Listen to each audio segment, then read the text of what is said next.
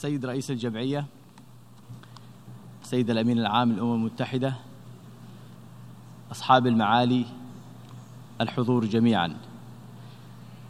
باسم حكومة وشعب الجمهورية اليمنية أتقدم للسيد رئيس الجمعية ولجمهورية نيجيريا بخالص التهنئة على تولي رئاسة الدورة الحالية للجمعية العامة. متمنيا له دوام التوفيق والنجاح. كما أشكر سلفه السيدة ماريا سبينوزا على الجهود المتميزة المبذولة خلال الدورة السابقة. ولا يفوتني أن أتقدم بالشكر للسيد أنطونيو غوتيريش الأمين العام للأمم المتحدة على جهوده المخلصة التي يبذلها من أجل تحقيق السلام لكل شعوبنا. كما أقدر على وجه الخصوص اهتمامه الخاص والكبير باليمن وبشعبه وأمنه واستقراره ووحدته وسلامة أراضيه. وأشكر المبعوث الخاص السيد مارتن جريفيث وطاقمه على كل ما يقدمونه من جهود من أجل الدفع بعجلة السلام في بلادي. السيد الرئيس الحضور جميعا. أقف أمامكم اليوم بقلب حزين لما آلت إليه الأوضاع في بلاد اليمن. هذا البلد المعطاء الضارب بجذوره في عمق التاريخ. بلد الحضارة والرخاء بلد الشموخ والكبرياء أصل العرب وفخرها. هذا البلد الذي أثكلته جراحه بسبب حرب فرضت عليه من قبل ميليشيات مسلحة عقائدية تمتهن التعذيب والإقصاء والقتل كأداة للوصول لمآربها. هذه الميليشيات الحوثية المدعومة من قبل إيران. إيران البلد الذي يعد الراعي الأول للإرهاب في العالم والذي ومن أجل تحقيق أطماعه التوسعية في المنطقة قام بتكريس أموال شعبه من أجل دعم ميليشيات ووكلائه خارج أرضه بالسلاح والمال والخبرات التخريبية. فمنذ العام 2014 قامت ميليشيا الحوثي المدعومة إيرانيا بتدمير كل شيء جميل في اليمن. انقلبت على الدولة ومؤسساتها بقوة السلاح. فجرت المنازل ودور العبادة. قصفت الأبرياء وسرقت قوتهم. صادرت الحريات واختطفت الناشطين وكل معارضيها. وملأت أرجاء اليمن وترابه الطاهر ومياهه النقية بكافة الألغام المحرمة دوليا. وأستطيع أن أقول أن هذه الميليشيات وخلال بضع سنوات استطاعت أن تهدم حلم جميع اليمنيين. حلمهم بالحرية والمواطنة المتساوية والعيش الكريم. حلمهم الذي كاد أن يتحقق بفضل المبادرة الخليجية ومخرجات الحوار الوطني الشامل التي توجت مخرجاته بدستور جديد ليمن اتحادي يتسع لكل اليمنيين. بكافة أطيافهم السياسية والقبلية والمجتمعية. يتم فيه حفظ الحريات وينعم أهله بالمواطنة المتساوية والتوزيع العادل للسلطة والثروات. ولكن هيهات لشعبنا الصامد الأبي أن يستكين. فكما أسقط خرافة الحق الإلهي في ثروة في ثورته الأبية الخالدة ثورة السادس والعشرين من سبتمبر التي نحتفل بذكراها السابعة والخمسين هذه الأيام فستسقط تلك النسخة الأسوأ من تلك الخرافة. وسيسقط أي محاولات لتمزيق الوطن؟ انتصارا لثورته الخالدة في جنوب الوطن في الرابع في الرابع عشر من أكتوبر المجيدة التي اكتمل ألقها في الثاني والعشرين من مايو وفي صيغة اليمن الاتحادي الجديد الذي توافق عليه اليمنيون. ذلك سفر الخلود اليماني وتلك سننه. وبرغم كل هذه الصعاب والمعوقات فقد تمكنا بتضحية أبطالنا في القوات المسلحة ومقاومتنا الباسلة وبدعم وإسناد قل نظيره من إخواننا في تحالف دعم الشرعية بقيادة المملكة العربية السعودية الشقيقة تمكنا من كبح جماح وجنون هذه الميليشيات العقائدية التي لا تزال إلى يومنا هذا وهي تؤمن بحقها الإلهي الحصري في الحكم ضاربة عرض الحائط بكافة القيم الديمقراطية وحقوق الإنسان. سيد الرئيس نحن نقدر دعم أشقائنا في التحالف بقيادة المملكة العربية السعودية كل التقدير. وما المواقف الصادقة والقوية لخادم الحرمين الشريفين الملك سلمان بن عبد العزيز وولي عهده الأمين الأمير محمد بن سلمان إلا تاكيدا على الإخوة الصادقة من قبل تحالف دعم الشرعية والتي حفظت ابدا في قلوب كل اليمنيين. فقد أتت في أكلح الظروف وتلبية لطلب رسمي من فخامة الرئيس عبد رب منصور هادي رئيس الجمهورية.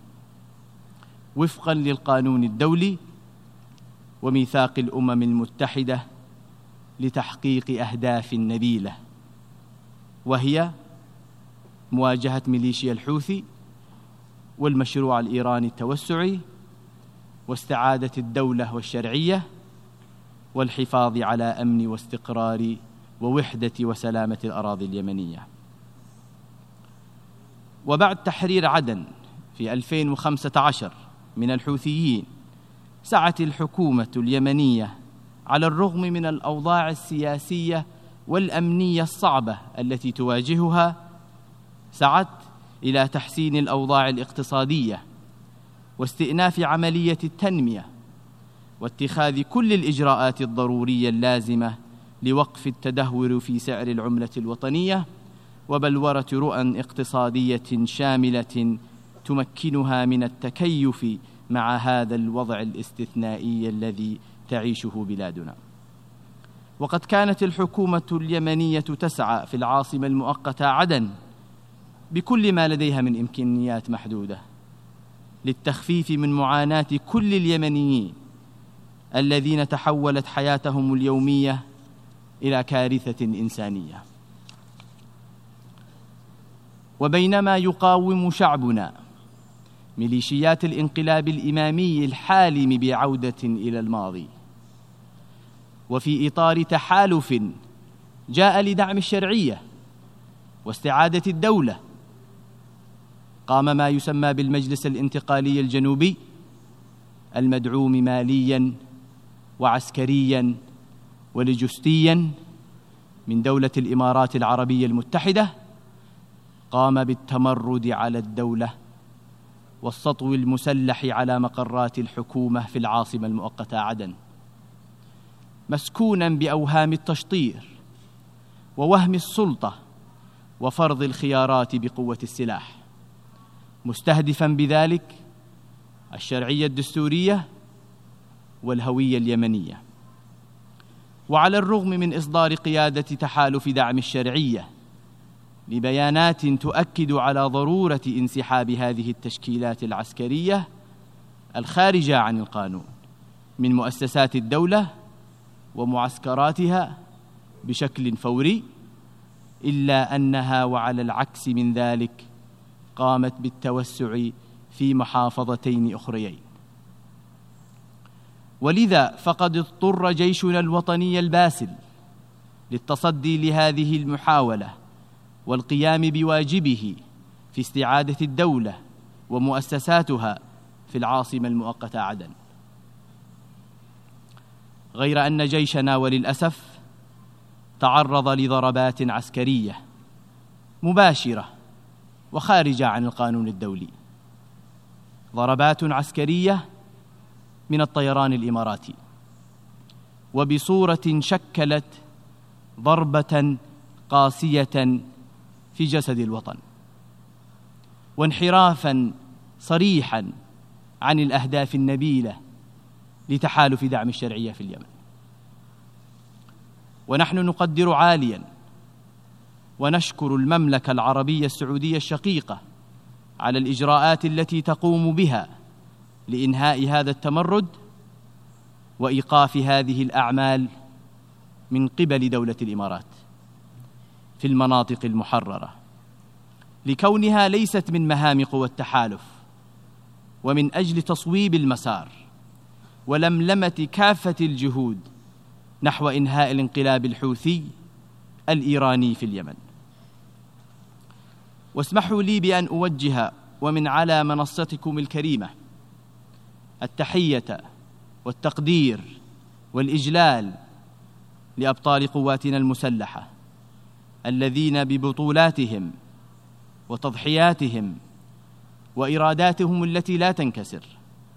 سيبقى اليمن عزيزا منيعا تعانق فيه جبال عيبان جبال شمسان وهي تردد ترنيمة اليمن الخالدة. لن ترى الدنيا على أرضي وصيا.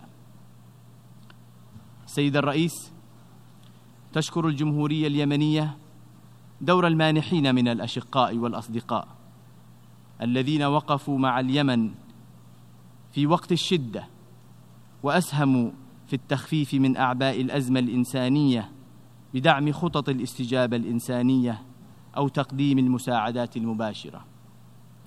ونخص بالذكر المملكة العربية السعودية الشقيقة التي دعمت بسخاء خطط الاستجابة الإنسانية. كان آخرها تقديم نصف مليار دولار لخطة 2019 والمساعدات الإنسانية المباشرة لليمنيين في كل أرجاء اليمن من خلال مركز الملك سلمان للإغاثة إضافة إلى تقديم الدعم المباشر لخزينة الدولة لمنع انهيار العملة الوطنية وتقديم ضمانات بنكية للسلع الغذائية وتخصيص 60 مليون دولار شهريا لدعم تمويل وقود شبكات الكهرباء. إلى جانب إسهامات البرنامج السعودي للتنمية وإعادة إعمار اليمن ومركز إسناد للعمليات الإنسانية الشاملة في اليمن. السيد الرئيس الحضور الكريم. تشكل إيران وأذرعها العسكرية في منطقتنا العربية بما فيهم الحوثيين وحزب الله. تهديدا خطيرا لامننا القومي فإيران دولة مارقة لا تحترم القانون الدولي ولا التزاماتها كدولة عضو في الأمم المتحدة. وقد ألحقت إيران باليمن والجزيرة العربية ضررا بالغا فهي من أنشأ ودرب وسلح ومول ميليشيا الحوثي. التي ترفع شعار الثورة الإيرانية وتنتهج نهجها في القمع والتنكيل والتعذيب. وحولت بعض المناطق في اليمن إلى منصات لإطلاق الصواريخ لتهديد أمن الجيران والملاحة الدولية في البحر الأحمر. وما زالت التقارير الأممية تكشف وتؤكد حجم الدعم الذي تتلقاه ميليشيا الحوثي من إيران. ولم تكتفي ميليشيا الحوثي بذلك بل قامت مؤخرا بادعاء مسؤوليتها عن الهجمات الإرهابية على منشأة شركة أرامكو السعودية في بقيق وخريس في تضليل واضح وتبعية فاضحة للنظام الإيراني المارق. ونحن إذ ندين هذا الهجوم الإرهابي نؤكد على ضرورة أن يتم التصدي له وتحميل فاعليه المسؤولية كاملة. ولا نعده هجوما على المملكة العربية السعودية فقط ولكن على الاقتصاد العالمي وتهديدا خطيرا للأمن والاستقرار الدولي. السيد الرئيس نحن لسنا دعاة حرب ودمار بل دعاة سلام واستقرار. ومن أجل ذلك واستشعارا بمسؤوليتنا الكاملة عن كل أبناء شعبنا اليمني دعمنا عملية السلام الأممية وجهود المبعوث الأممي لليمن وانخرطنا بكل إيجابية ومرونة في جميع مبادرات السلام وفقا لمرجعيات السلام في اليمن المتمثلة في المبادرة الخليجية وآليتها التنفيذية ومخرجات الحوار الوطني الشامل وقرارات مجلس الأمن لا سيما القرار 2216 وذهبنا إلى السويد العام الماضي. من أجل إعطاء السلام كل الفرص. غير أنه وبسبب تعنت الميليشيات الحوثية وتهربها المستمر من الالتزام بما تم التوافق عليه لم يراوح هذا الاتفاق مكانه منذ ما يزيد عن عشرة أشهر. والحل هنا لا يكمن في القفز على ما تم الاتفاق عليه. أو غض الطرف عن هذا التعنت غير المبرر من قبل الحوثيين بل يكمن في إلزام هذه الميليشيات بالقيام بما وافقت عليه وتعهدت بتنفيذه أمام العالم. يجب أن يعلم الحوثيون بأن السلام ليس خطابات وشعارات وأن له متطلبات واستحقاقات ويجب أن يتحمل مجلس الأمن مسؤوليته ويلزم الحوثيين بتنفيذ ما ورد فيه بالانسحاب من مدينة وموانئ الحديدة وتنفيذ اتفاق إطلاق الأسرى كل الأسرى وفك الحصار الجائر على مدينة تعز. وفي هذا الصدد لا يمك لا يمكنني إلا لا يمكنني إلا أن أشارككم رسالة مؤثرة استلمتها قبل يومين من رابطة أمهات المختطفين. تناشدني فيها أمهات المعتقلين أن أنقل للعالم مأساتهن في فقدان أبنائهن في غيابة سجون الحوثي. بل واستخدامهم كدروع بشرية. ولا يسعني إلا أن أؤكد لهن بأننا لن ننسى جرائم الحوثي. وسوف نواصل بكل جد المطالبة بالإفراج عنهم جميعا. فصبرا واحتسابا أم أنس. أنت وكافة أمهات المختطفين. أليس الصبح بقريب؟ السيد الرئيس تؤكد الجمهورية اليمنية موقفها الثابت تجاه القضية الفلسطينية وحقوق الشعب الفلسطيني غير القابلة للتصرف وعلى رأسها إقامة دولة مستقلة وعاصمتها القدس الشريف. ونناشد المجتمع الدولي الاستمرار في تقديم الدعم لوكالة غوث وتشغيل اللاجئين الفلسطينيين الأونروا لتتمكن من مواصلة تقديم خدماتها للاجئين الفلسطينيين. كما ندين بشدة استمرار السياسات الاستيطانية الإسرائيلية في الأراضي الفلسطينية والانتهاكات اليومية تجاه الشعب الفلسطيني وتجاه المقدسات الإسلامية. وندين على وجه الخصوص تصريحات رئيس وزراء الكيان الإسرائيلي بشأن نيته ضم أراض في الضفة الغربية المحتلة وفرض السيادة على غور الأردن وشمال البحر الميت. الأمر الذي يشكل انتهاكا سافرا للقانون الدولي وميثاق الأمم المتحدة وقرارات الدولية وقرارات الدولية الأخرى ذات الصلة. وختاما السيد الرئيس أتمنى أن تكلل أعمال الجمعية بدورتها الحالية بالنجاح والتوفيق. وأن نلتقي العام المقبل. وقد حل السلام في ربوع اليمن. فقضيتنا صلبة كالصخر وعزيمتنا شديدة لن تلين. ونحن تواقون للسلام. السلام الشامل والمستدام المبني على الثوابت الوطنية. الرحمة لشهداء اليمن الأحرار والشفاء للجرحى والحرية لجميع الأسرى والمختطفين. وشكرا.